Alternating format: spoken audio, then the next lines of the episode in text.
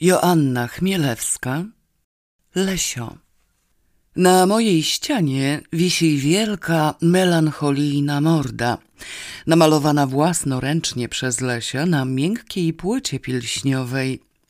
Niektórzy uważają, że jest to autoportret, przy czym sam Lesio na zmianę to potwierdza, owo mniemanie to mu zaprzecza. Lesio bowiem istnieje, Istnieje wyraźnie, realnie, zdecydowanie, a niekiedy nawet z hukiem. Czas jakiś temu, porósłszy w pierze i nabywszy pojazd mechaniczny, rozbił nim parkan na jednej z głównych ulic Wiednia, po czym ufundował nowy własnym kosztem. Nazwy ulicy nie podam przez zwyczajne miłosierdzie. Lesio wciąż jeszcze żyje cichą nadzieją, że powieść o nim nigdy się nie ukaże. Jeśli zaś się ukaże, to on nie zostanie rozpoznany. Tylko wyjątkowy takt otoczenia może pozostawić mu to złudzenie. Każdy, kto zna Lesia, bez żadnych wątpliwości będzie wiedział, że to on. Charakter Lesia, acz szlachetny, jest nad wyraz skomplikowany. Dusza pełna fantazji, a życiorys bogaty w wydarzenia. Może nie wszystkie z opisanych tu czynów w rzeczywistości popełnił, ale z pewnością do wszystkich był zdolny. Część pierwsza. Zbrodnia niedoskonała. Lesio Kubajek postanowił sobie, że zamorduje personalną, Straceńczą myśl podyktowała mu rozpacz. Personalna była jego wrogiem numer jeden oraz zasadniczą przeszkodą na drodze do zrobienia kariery. Dzień w dzień zatruwała mu życie. Dzień w dzień sępimi szponami szarpała jego zdrowie i nerwy i każdego poranka przeistaczała się w symbol klęski.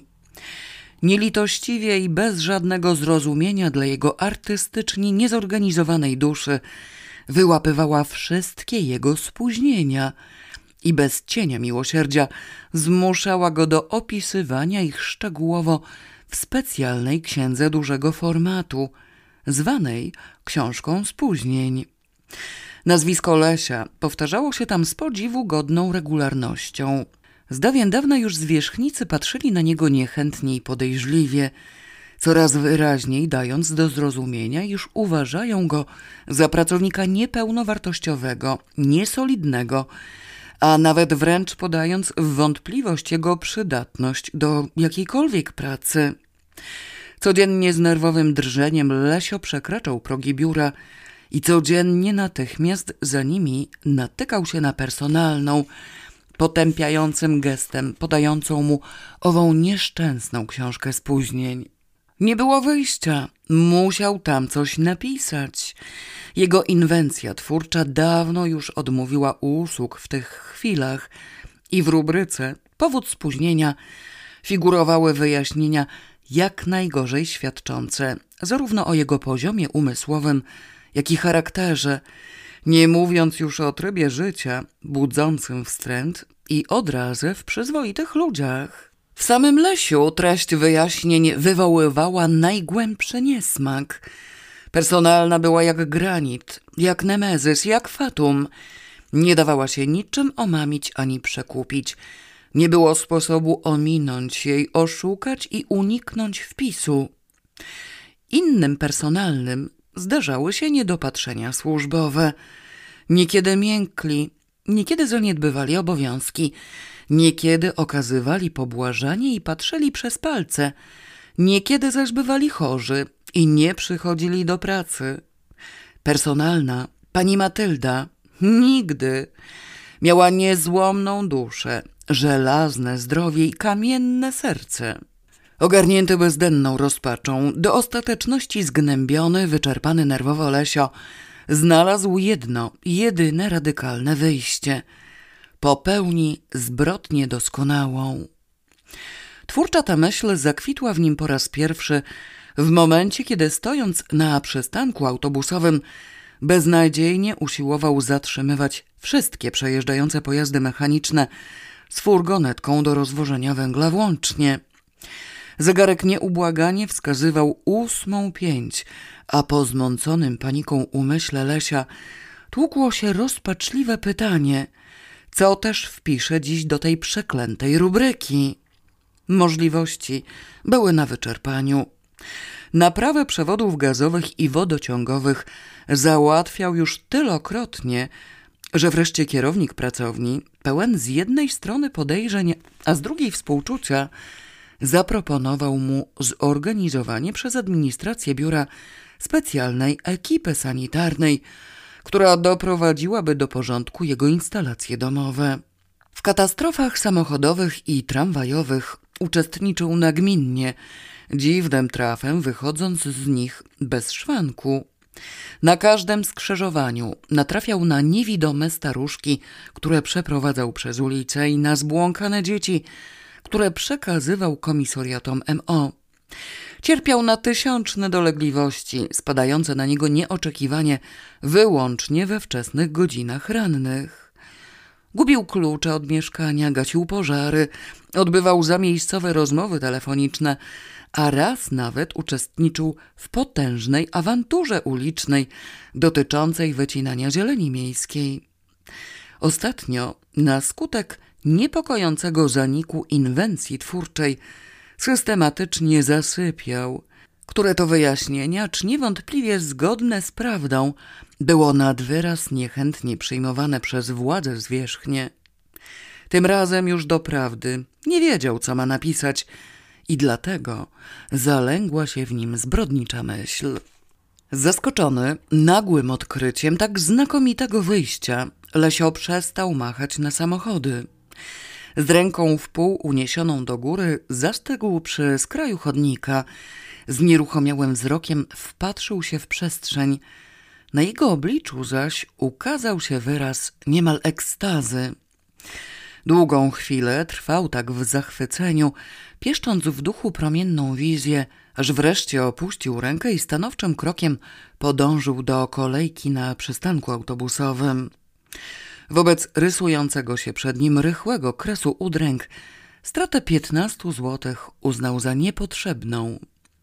Rozkwitłe w nim znagła nadzieje nadzwyczajnie podniosły go na duchu.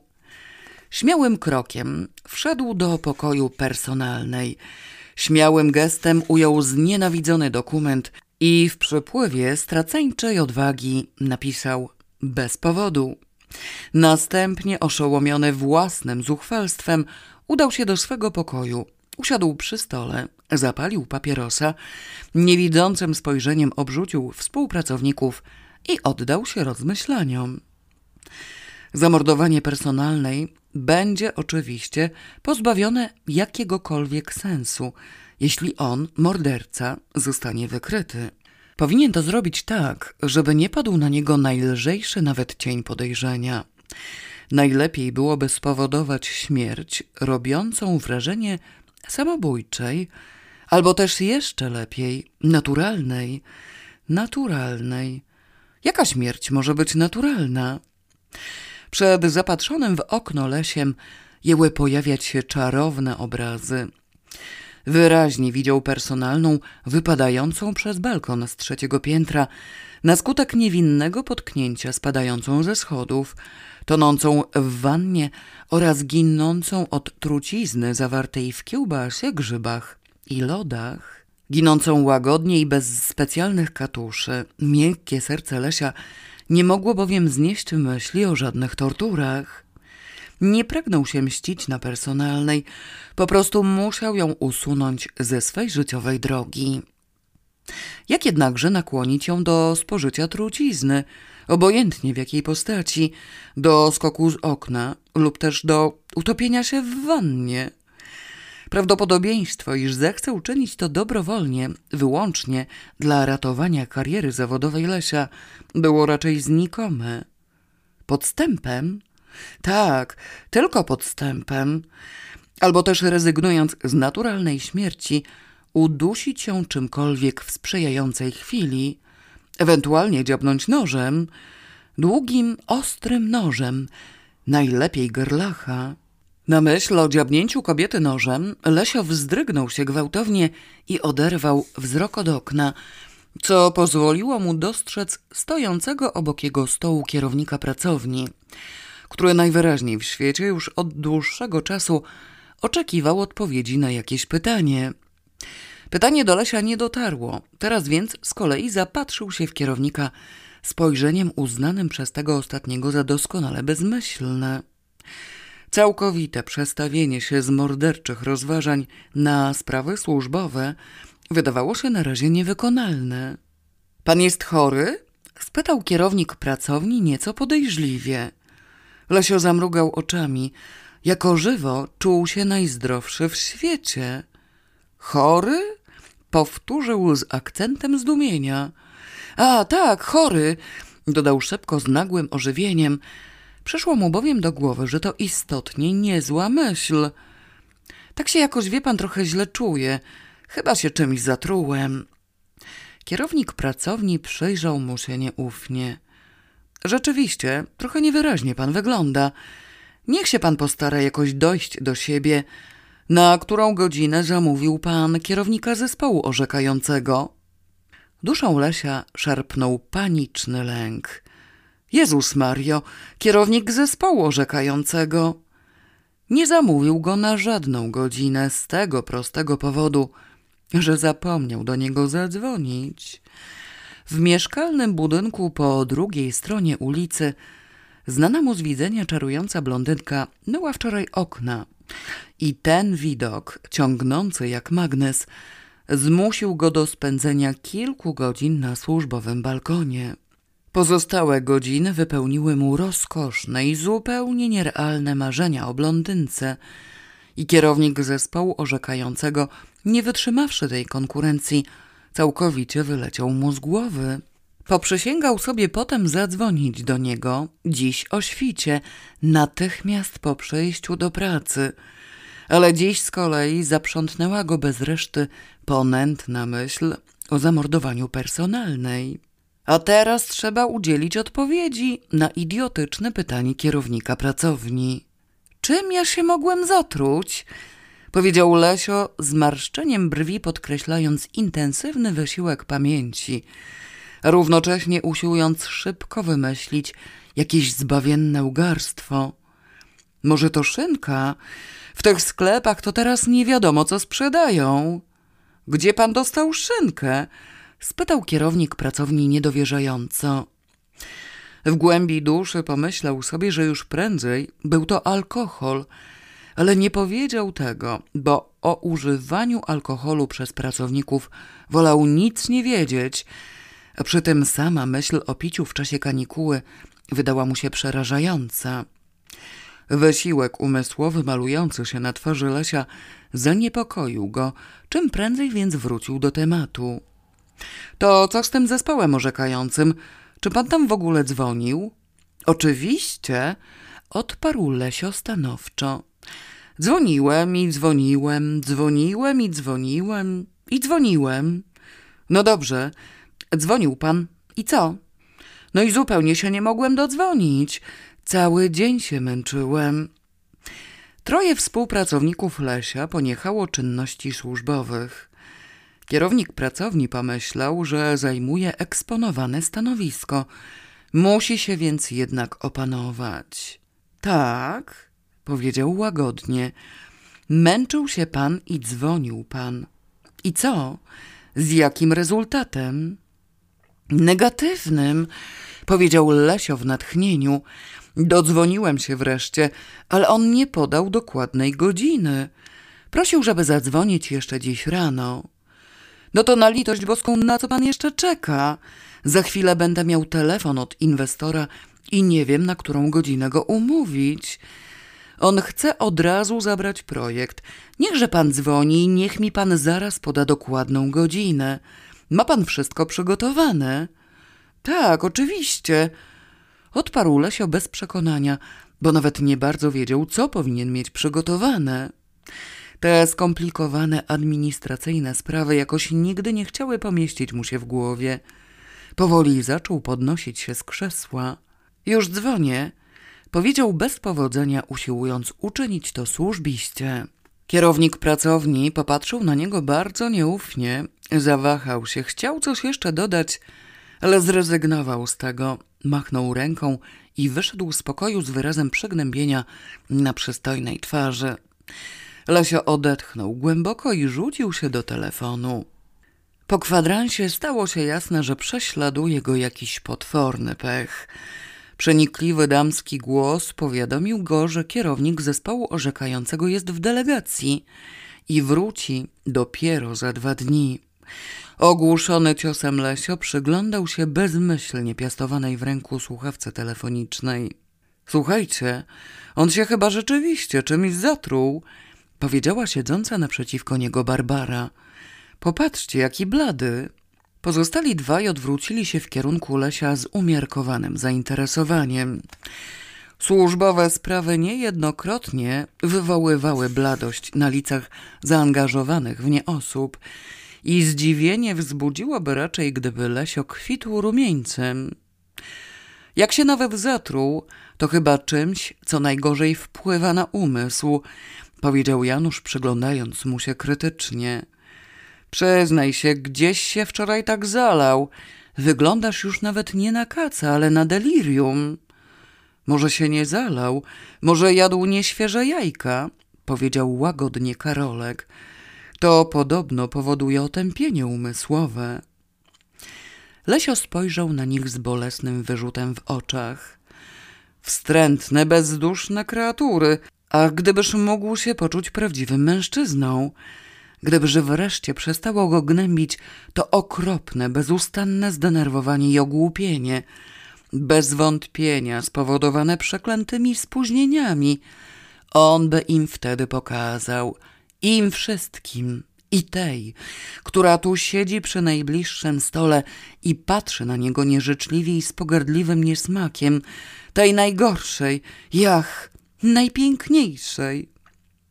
Bolesio, jak prawdziwy artysta, był niesłychanie czuły na urodę płci, słusznie zwanej piękną, a kobieta siedząca przy stole była doprawdy godną tej płci przedstawicielką. Lesio nie potrafił bez drżenia patrzeć w piękne, przepastne, błękitne oczy, ocienione tak nieprzyzwoicie długimi, czarnymi rzęsami. Nie mógł utkwić nosem w głupiej, prozaicznej pracy, kiedy tuż obok poruszała się giętko smukła kibić i pozostałe bujne kształty. Nie mógł powstrzymać się od spoglądania w głęboki dekolt i na nieporównane nogi. Nie mógł wyrzec się myśli, że kiedyś tę wspaniałą kobietę zdobędzie. Zdobędzie, przeżyją razem chwilę, jakiej nikt jeszcze dotąd nie przeżył i jakiej nikt nigdy nie przeżyje, a potem ją porzuci. Porzuci, bo musi. Nie będzie przecież rozbijał dwóch małżeństw i niszczył domu niewinnym maleństwom. Ona ma męża, on ma żonę, obydwoje mają dzieci, będą nadal spełniać rodzinne obowiązki i wlec te jarzma z podniesionym czołem, a przeżyta chwila utraconego szczęścia będzie im świeciła jak gwiazda na firmamencie. Czego się pan na mnie patrzy, jak wół na malowane wrota? Powiedziała niechętnie piękna Barbara. Denerwuje mnie to. Niech się pan patrzy gdzie indziej, skoro nie ma pan nic lepszego do roboty. Brutalne słowa oderwały zagapionego w Barbarę i pogrążonego w rozpamiętywaniu wyśnionego romansu Lesia od marzeń i wróciły do obrzydliwej rzeczywistości. Prawda, Jezus Mario, ten zespół orzekający, co on ma teraz począć? Janusz, co zrobić? Powiedział bezradnie. Ten bydlak wyjechał w delegację. Nie wygłupiaj się, przestraszył się Janusz. Inwestor dzisiaj przychodzi do projektu. Hipcio mu powiedział, że gotowy. No właśnie, a on wyjechał i będzie dopiero pojutrze. Co teraz?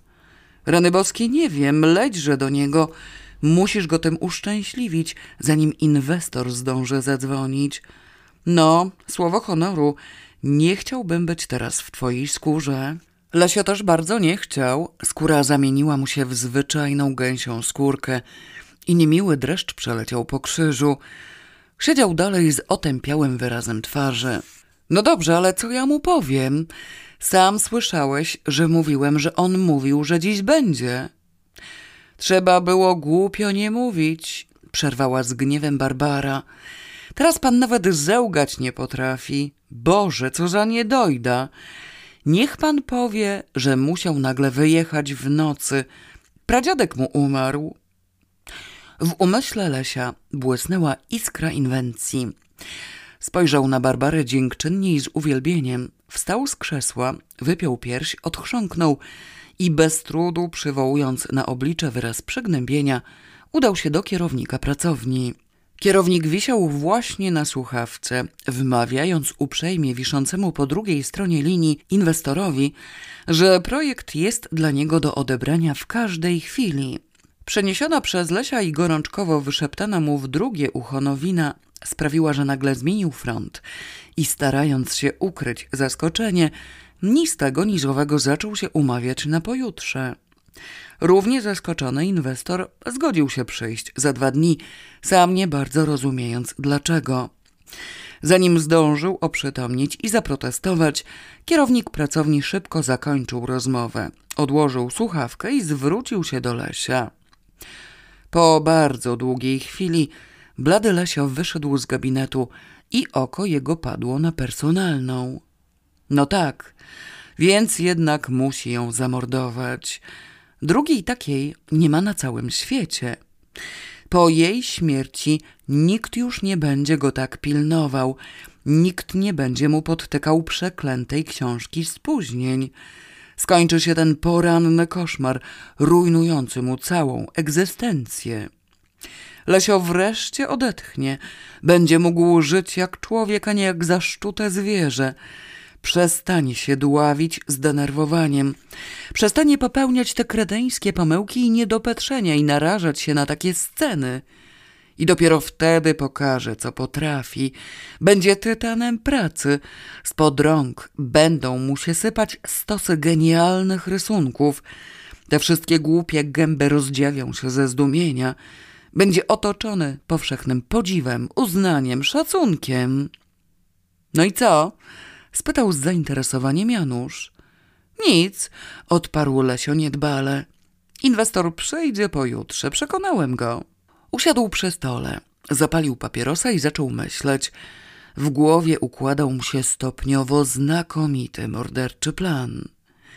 Natychmiast po zakończeniu dnia pracy przemyślany do ostatniego szczegółu morderczy plan pchnął Lesia pod cedet i ustawił w ogonku po lody Kalypso. Zadziwiającym trafem lody Kalypso były w sprzedaży. W wyniku długich rozważań przyszły zbrodniarz uznał je za praktyczniejsze niż Bambino z uwagi na brak patyka w opakowaniu. Na wszelki wypadek nabył osiem porcji. Nie miał wprawdzie pewności, czy personalna zgodzi się skonsumować taką ilość.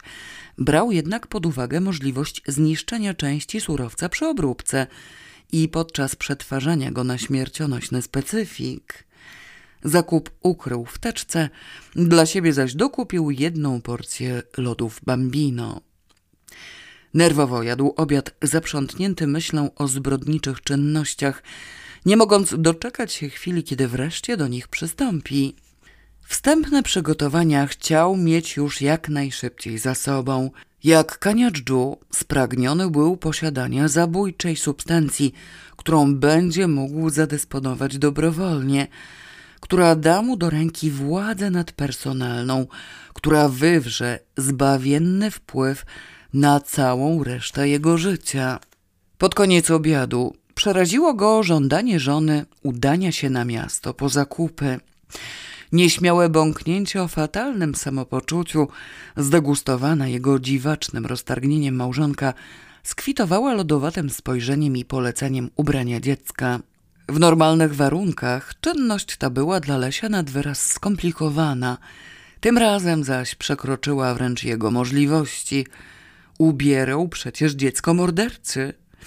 Niedopatrzenia w postaci osobliwego fasonu włożonych tył naprzód spodenek i nieproporcjonalnie wielkiej w stosunku do dziurek ilości godzików naprawiła osobiście żona mordercy. W kolejce po żółty ser Lesio przeżywał tortury.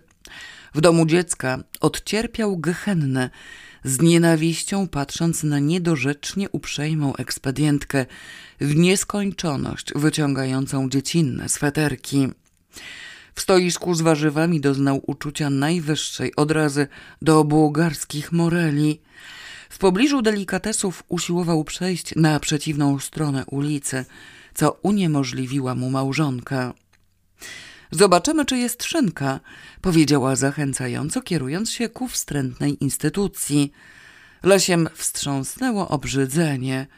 Ależ skąd szynka? zaprotestował gwałtownie. Żadnej szynki nie ma, nie warto nawet wstępować. Żona wykazała niepojęty upór. Owszem, warto. Od wieków nie widziałam na oczy szynki, a może akurat jest. Nie mogę karmić dziecka bez przerwy jajkami. Oczywiście, że jajkami. Jajka są bardzo zdrowe. W tym upale szynka jest zepsuta, zresztą na pewno nie ma. Właśnie wstąpimy i zobaczymy. Lesio chwycił małżonkę pod rękę. Nie no, Kasieńko, kochanie, nie chodź tam. Nie fatyguj się, nie warto, nie ma sensu. Jaka tam szynka? Kto jada szynkę? Puść mnie, czyś oszalał. Przestań mnie ciągnąć. Co cię napadło? Może właśnie jest. No puść mnie w tej chwili. Ależ skarbie, po co ci to? Zirytowana Kasieńka energicznym ruchem wyrwała mężowi ramię i weszła do sklepu. Szynka była. Piękna, konserwowa, bez tłuszczu, leżała w stosach na ladzie. Przed nią zaś kłębił się odrażający tłum mięsożernych fanatyków. Z duszy Lesia wydarł się jęk rozpaczy. Jedźmy taksówką, powiedział z determinacją, wyszedłszy z szynką ze sklepu. Przy takiej pogodzie? Po co? Niech się dziecko przespaceruje. Lesio zaczął odczuwać żywą niechęć do własnego dziecka. Śpieszy mi się, powiedział w zdenerwowaniu. To jest, nie, źle się czuję. Żona przyjrzała mu się uważnie i podejrzliwie. Jak się źle czujesz? Co ci jest? Tak ogólnie, zęby mnie bolą. Na zębach nie chodzisz. Dobrze, że mi przypomniałeś. Wstąpimy jeszcze do apteki i przy okazji kupię ci Veramon. Przepełniający Lesia nerwowy niepokój doszedł do zenitu. W domu, w ukrytej w przedpokoju teczce leżał trujący jad. Gronkowce już się w nim zapewne zalęgły. Kto wie, może nawet rozłaziły się wokoło, a on tu, skazany na jakąś straszliwą katorgę, musiał się błąkać bez celu, bez sensu, po jakichś sklepach, po czymś takim. Lukrecja Borgia. Czy Lukrecja Borgia też robiła zakupy? Wybicie godziny dziewiętnastej i zamknięte większości punktów sprzedaży położyło kres nieznośnym katuszom. Lesio mógł wreszcie wrócić do domu. Półprzytomny ze zdenerwowania, w pierwszej chwili rzucił się ku teczce z lodami, ale nim jej dopadł, przypomniał sobie, że powinien przecież działać w ukryciu. Czym prędzej więc rzucił się w przeciwnym kierunku, którym okazała się rzadko przezeń odwiedzana kuchnia. W głowie błysnęła mu myśl, że teczkę trzeba schować głębiej i ponownie rzucił się do przedpokoju. Następna myśl, że gołymi rękami dotykał trucizny, a teraz będzie tymi rękami jadł kolację, sprawiła, że rzucił się do łazienki. Osobliwe to miotanie się po apartamencie wzbudziło żywy niepokój małżonki, która jęła przyglądać mu się coraz bardziej podejrzliwie i nieufnie. Po kilku niekończących się wiekach, wypełnionych dalszymi torturami w postaci kolacji, wycierania naczyń, mycia dziecka i oglądania telewizji, ukochani najbliżsi poszli wreszcie spać i do szaleństwa zdenerwowany Lesio został sam. Zaciskając zęby, żeby nie szczękały hałaśliwie i usiłując nie oddychać, zabrał z przedpokoju teczkę z lodami. Na palcach udał się do kuchni. Postawił teczkę na krześle, otworzył ją i zachłannie zajrzał do środka.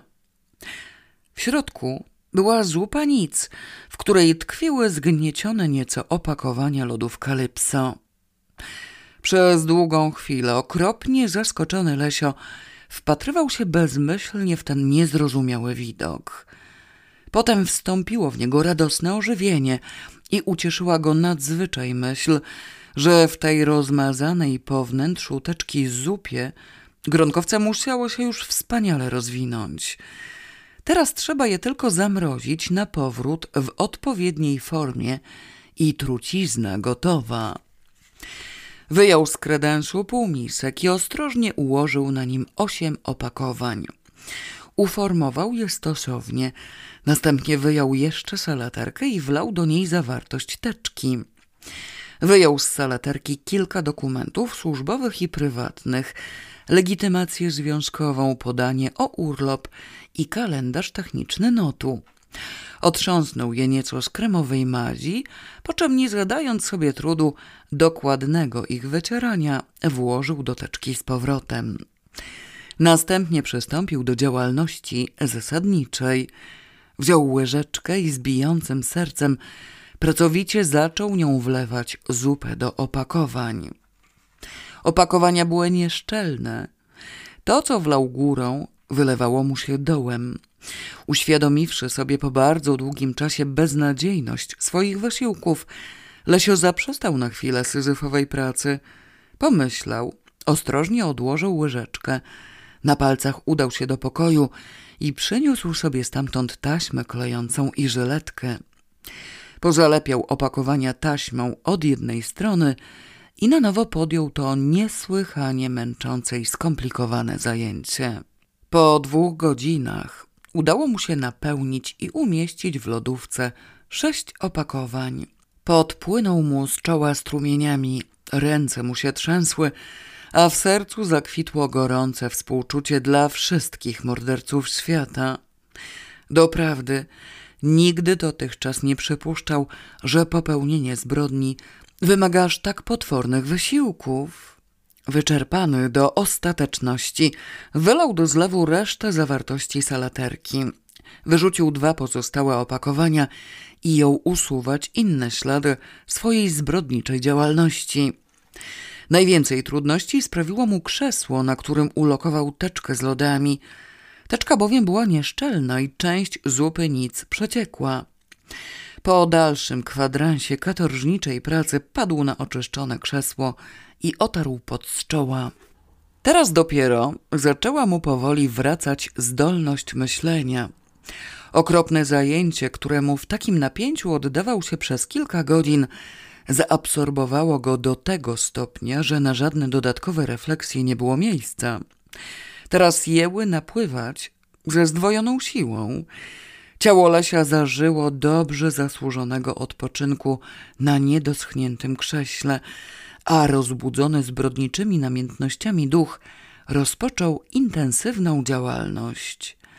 Narzędzie mordu, przygotowane, zamarzało w zamkniętej lodówce. Przed zapatrzonym w jej drzwiczki lesiem zaczęły pojawiać się upojne obrazy. Personalna, z apetytem kończąca ostatnią paczkę lodów, wokół niej porozrzucane pięć pierwszych opakowań. Personalna w trumnie, na marach, otoczona kolumną płonących gromnic i bujnym kwieciem chryzantem w doniczkach. Gustowny nagrobek na brudnie. Puste krzesło pani Matyldy i porzucona w kącie pleśnią porosła znienawidzona książka spóźnień. W udręczonej duszy Lesia coś nagle drgnęło. Obraz ukwieconych mar powrócił i utrwalił się na tle zamkniętych drzwi lodówki. W otwartej trumnie spoczywały zwłoki. Lesiowi zrobiło się jakoś nieprzyjemnie i nie wiadomo czemu satysfakcja, jaką przed chwilą się napawał, uległa zmniejszeniu. Z niesmakiem pomyślał, że powinni byli zamknąć tę trumnę. Uczuł w sobie narastającą pretensję do tego kogoś, kto się tak wygłupił, po czym znienacka dreszcz panicznego przerażenia przeleciał mu po krzyżu. Specjalnie zostawili otwartą. Pani Matylda teraz usiądzie i palcem wskaże swego zabójcę. Włosy zjeżyły mu się na głowie. Zabójca to on, Lesio. On popełnił tę zbrodnię. Zamordował ją bezpowrotnie, nieodwołalnie, na zawsze. Ogarnął go niepokój tak silny, że niewiele brakowało, a byłby zerwał się z krzesła w celu natychmiastowego zniszczenia rezultatów wielogodzinnej, żmudnej pracy. Już nawet uczynił pierwszy ruch, ale powstrzymała go myśl o książce spóźnień. O nie, nie zniesie dłużej tego koszmaru. Będzie mordercą. Do końca życia będzie nosił w sercu posępną tajemnicę. Odrzuci precz te niedorzeczne skrupuły i ten zbędny niepokój. Po trupach wespnie się na szczyty. Nie zadrży mu ręka, nie zawaha się, nie odczuje litości. Będzie truł. Zaniepokojona dziwnym zachowaniem Lesia w ciągu popołudnia i wieczoru, Kasieńka obudziła się w nocy i stwierdziwszy nieobecność małżonka na posłaniu, postanowiła go poszukać. Zajrzała do drugiego pokoju, zajrzała do łazienki i wreszcie znalazła go w kuchni. Siedział na krześle w spodniach pochlapanych jakąś białawą substancją, z twarzą pełną rozpaczy i przerażenia i dzikim wzrokiem wpatrywał się w drzwi lodówki. Zaniepokojona znacznie bardziej Kasieńka postanowiła na wszelki wypadek ograniczyć wymagania finansowe na przyszłość. Poranek dnia następnego należał z całą pewnością do najgorszych, jakie przytrafiły się Lesiowi od chwili urodzenia. Świadomy jadowitej zawartości lodówki, za żadną cenę nie mógł dopuścić żony i dziecka do upiornego urządzenia. Ustawicznie zrywał się i rzucał w jego kierunku, wyjmując zeń to masło, to szynkę, to znów wkładając jakieś produkty na powrót. Zwlekał z wyjściem do pracy, męcząc się okropnie nad wynalezieniem przyczyn tej opieszałości, a równocześnie denerwując się kolejnym spóźnieniem. Wybiegł wreszcie wraz z żoną, skłonny wręcz odebrać jej klucze od mieszkania. Taksówką przybył do biura i zaraz za progiem natknął się na kierownika pracowni, któremu musiał długo i za wiele wyjaśniać, jak to zepsuła mu się pełna szynki lodówka, jak naprawa tego urządzenia zatrzymała go w domu. Kiedy dopadł swego stołu, był blady z wyczerpania i niemal bliski obłędu. No, nareszcie, powitał go zniecierpliwiony okrzyk Janusza. Gdzie u diabła masz ten załącznik do założeń, które dostałeś tydzień temu od inwestora? Od jakiego inwestora? spytał mechanicznie Lesio, nie mogąc tak całkowicie przyjść do siebie. Od spółdzielni mieszkaniowej. No ten w sprawie kotłowni. A, ten, no w teczce. No to oddajże go do pioruna, po cholerę go nosisz. Powinien być w aktach. Ja go szukam jak idiota po całej pracowni. No już ci daję, już, nie gadaj tyle. Otworzywszy szybko teczkę, Lesio spojrzał i zdrętwiał. Załącznik był jednym z dokumentów, które wczoraj wyciągnął z salaterki, których nie miał czasu porządnie wytrzeć. Teraz w teczce tkwił plik papierów, wprawdzie cienki, ale za to bardzo dokładnie zlepiony rozmazanymi lodami. Koszmarny ten widok otumanił Lesia do reszty.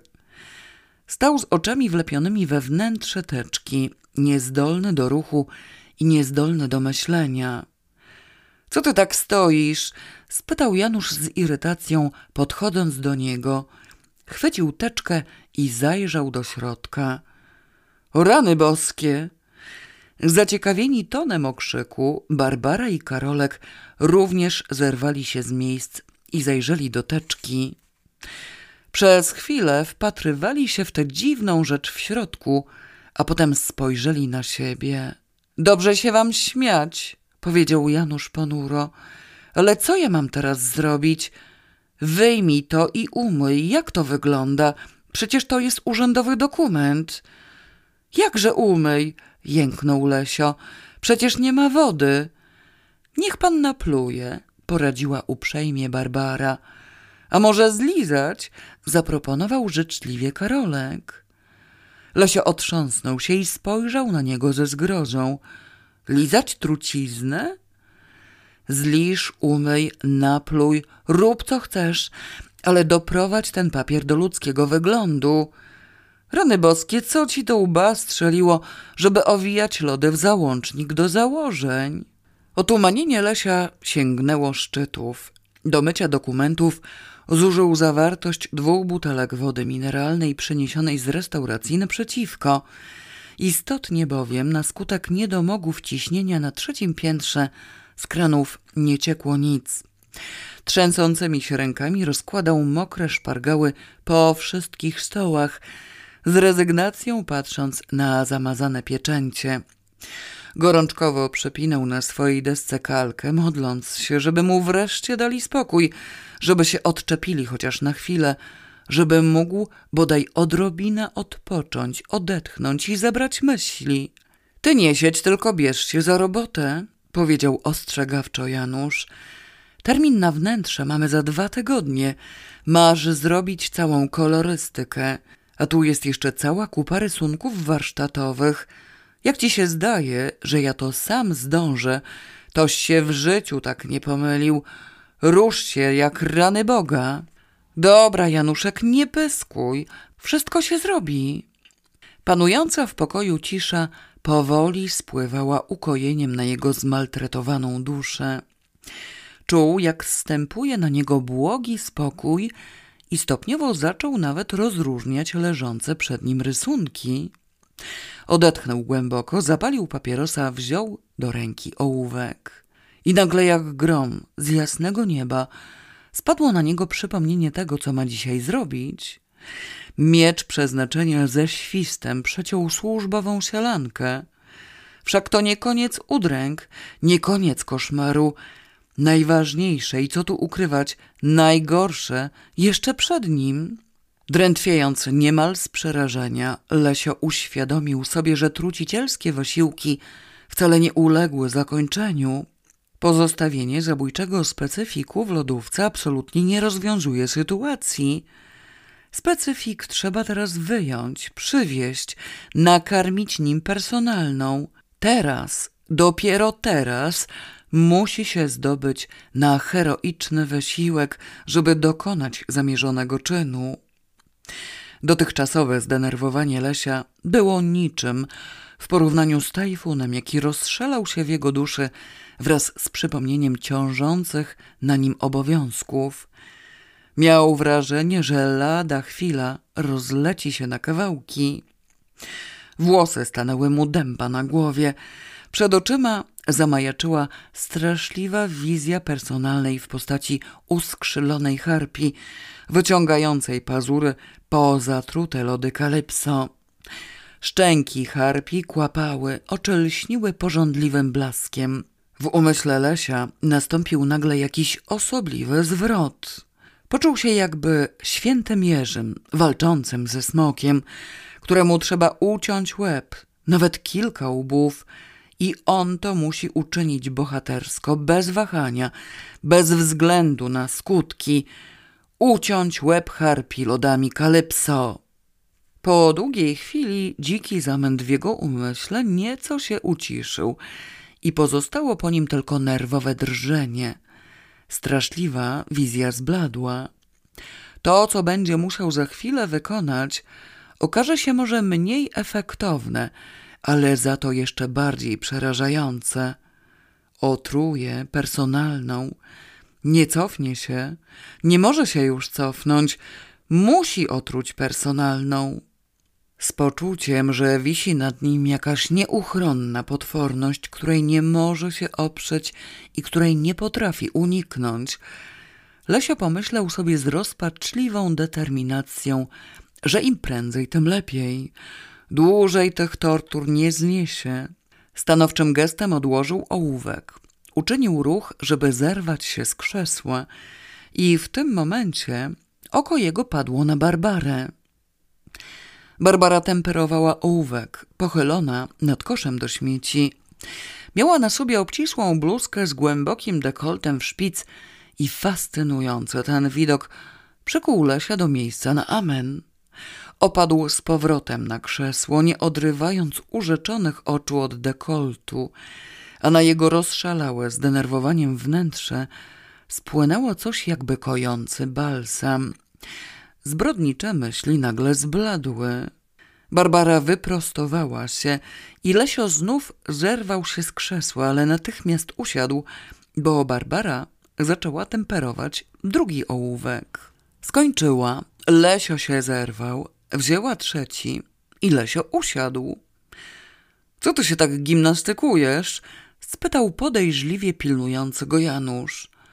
Paraliż cię łapie? Barbara i Karolek spojrzeli ciekawie, a w duszy Lesia zakotłował się istny wulkan. Gruboskórne zwierzęta, pomyślał z rozdrażnieniem. Cóż oni wiedzą? Uczuł, iż wzbiera w nimi pęcznieje wzgardliwa duma na myśl, jak głęboko ukryte są przed ich ograniczonym wzrokiem ponure i mroczne głębie jego jestestwa. Czyż któryś z nich popełnił kiedykolwiek zbrodnię? Wychodzę i zaraz wracam. Oświadczył godnie, nie zniżając się do udzielania bliższych wyjaśnień. Fascynujący dekolt Barbary trwał w jego umyśle i sercu, wypierając wszystko inne. Słodycz urzekającego obrazu zaprzątnęła go tak, że niemal zapomniał, po co jedzie. I dopiero zawartość lodówki znów rzuciła go w szponę koszmaru. Zatrute lody Kalypso zalśniły złowrogim blaskiem srebrnego opakowania. Sześć paczek trucizny, ukrytych w torbie po młodych kartoflach, paliło mu ręce, kiedy wchodził po biurowych schodach. Na drugim piętrze zwolnił kroku, na trzecim zatrzymał się, oparł o ścianę i zajrzał do torby. Gronkowce, śmiertelna trucizna, zabójczy jad, słowiańscy woje chwytający się z krzykiem za pierś przy stole Brunhildy, wijąca się w męce pani Matylda, milczące sztywne zwłoki na marach. Jak to? I on ma to dać tej kobiecie? On ma jej włożyć tę truciznę do ust, on ma patrzeć, jak gronkowce znikają w jej przewodzie pokarmowym? On ma ją otruć, tak zwyczajnie otruć, ależ za nic. Czoło Lesia pokryło się zimnym potem. Kategoryczny protest szarpnął jego duszą. Musi zamordować personalną, no to co, że musi? I w ogóle kto powiedział, że musi? Wcale nie musi, morduje ją, bo chce. A jak nie będzie chciał, to jej nie zamorduje. Ma wolność wyboru. Wejdzie teraz żuchwale do jej pokoju. Ukłoni się, uwodzicielsko podsunie jej torbę z lodami, albo jej nie podsunie. Tak jest, nic nie musi. Nie musi, ale powinien. Zdecydował się na to, postanowił sobie. W porządku, postanowienie wykona. Okaże się bezlitosny i twardy jak głaz. Wejdzie, ukłoni się, podsunie torbę. Energicznym ruchem Lesio oderwał się od ściany. Otworzył drzwi. Pogrążona w pracy pani Matylda podniosła głowę i obrzuciła go bacznym spojrzeniem. Uprzejmy skłon skwitowała lekkim pochyleniem głowy i wróciła do swoich zajęć. Ściskając pod pachą torbę po młodych kartoflach, Lesio przeszedł dalej i udał się do swojego pokoju. Pierwszym uczuciem, jakie udało mu się wyłowić z zamętu, było coś w rodzaju ulgi.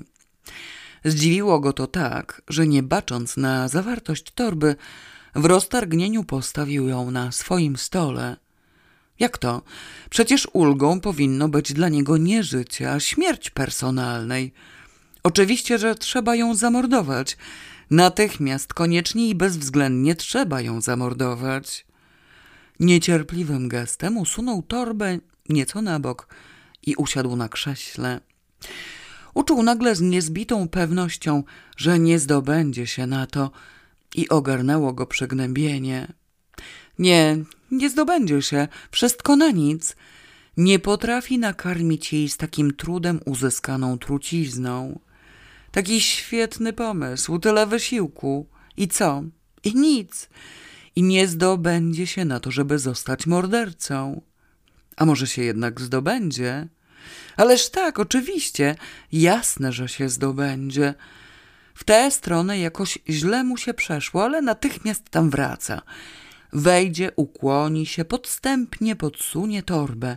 Tak jest, zdobędzie się, już idzie. Podniósł się z krzesła i ujął torbę. Zajęta przyjmowaniem telefonogramu, pani Matylda ujrzała osobliwy widok. Do jej pokoju wszedł Lesio. Zatrzymał się na środku, odwrócił ku niej, wykonał jakiś dziwny balans ciałem i pląs nogami, po czym wyszedł na schody. Usiłowała go zatrzymać, nie wpisał się bowiem do książki wyjść, ale nie mogła oderwać się od telefonu. Po krótkiej chwili Lesio wrócił.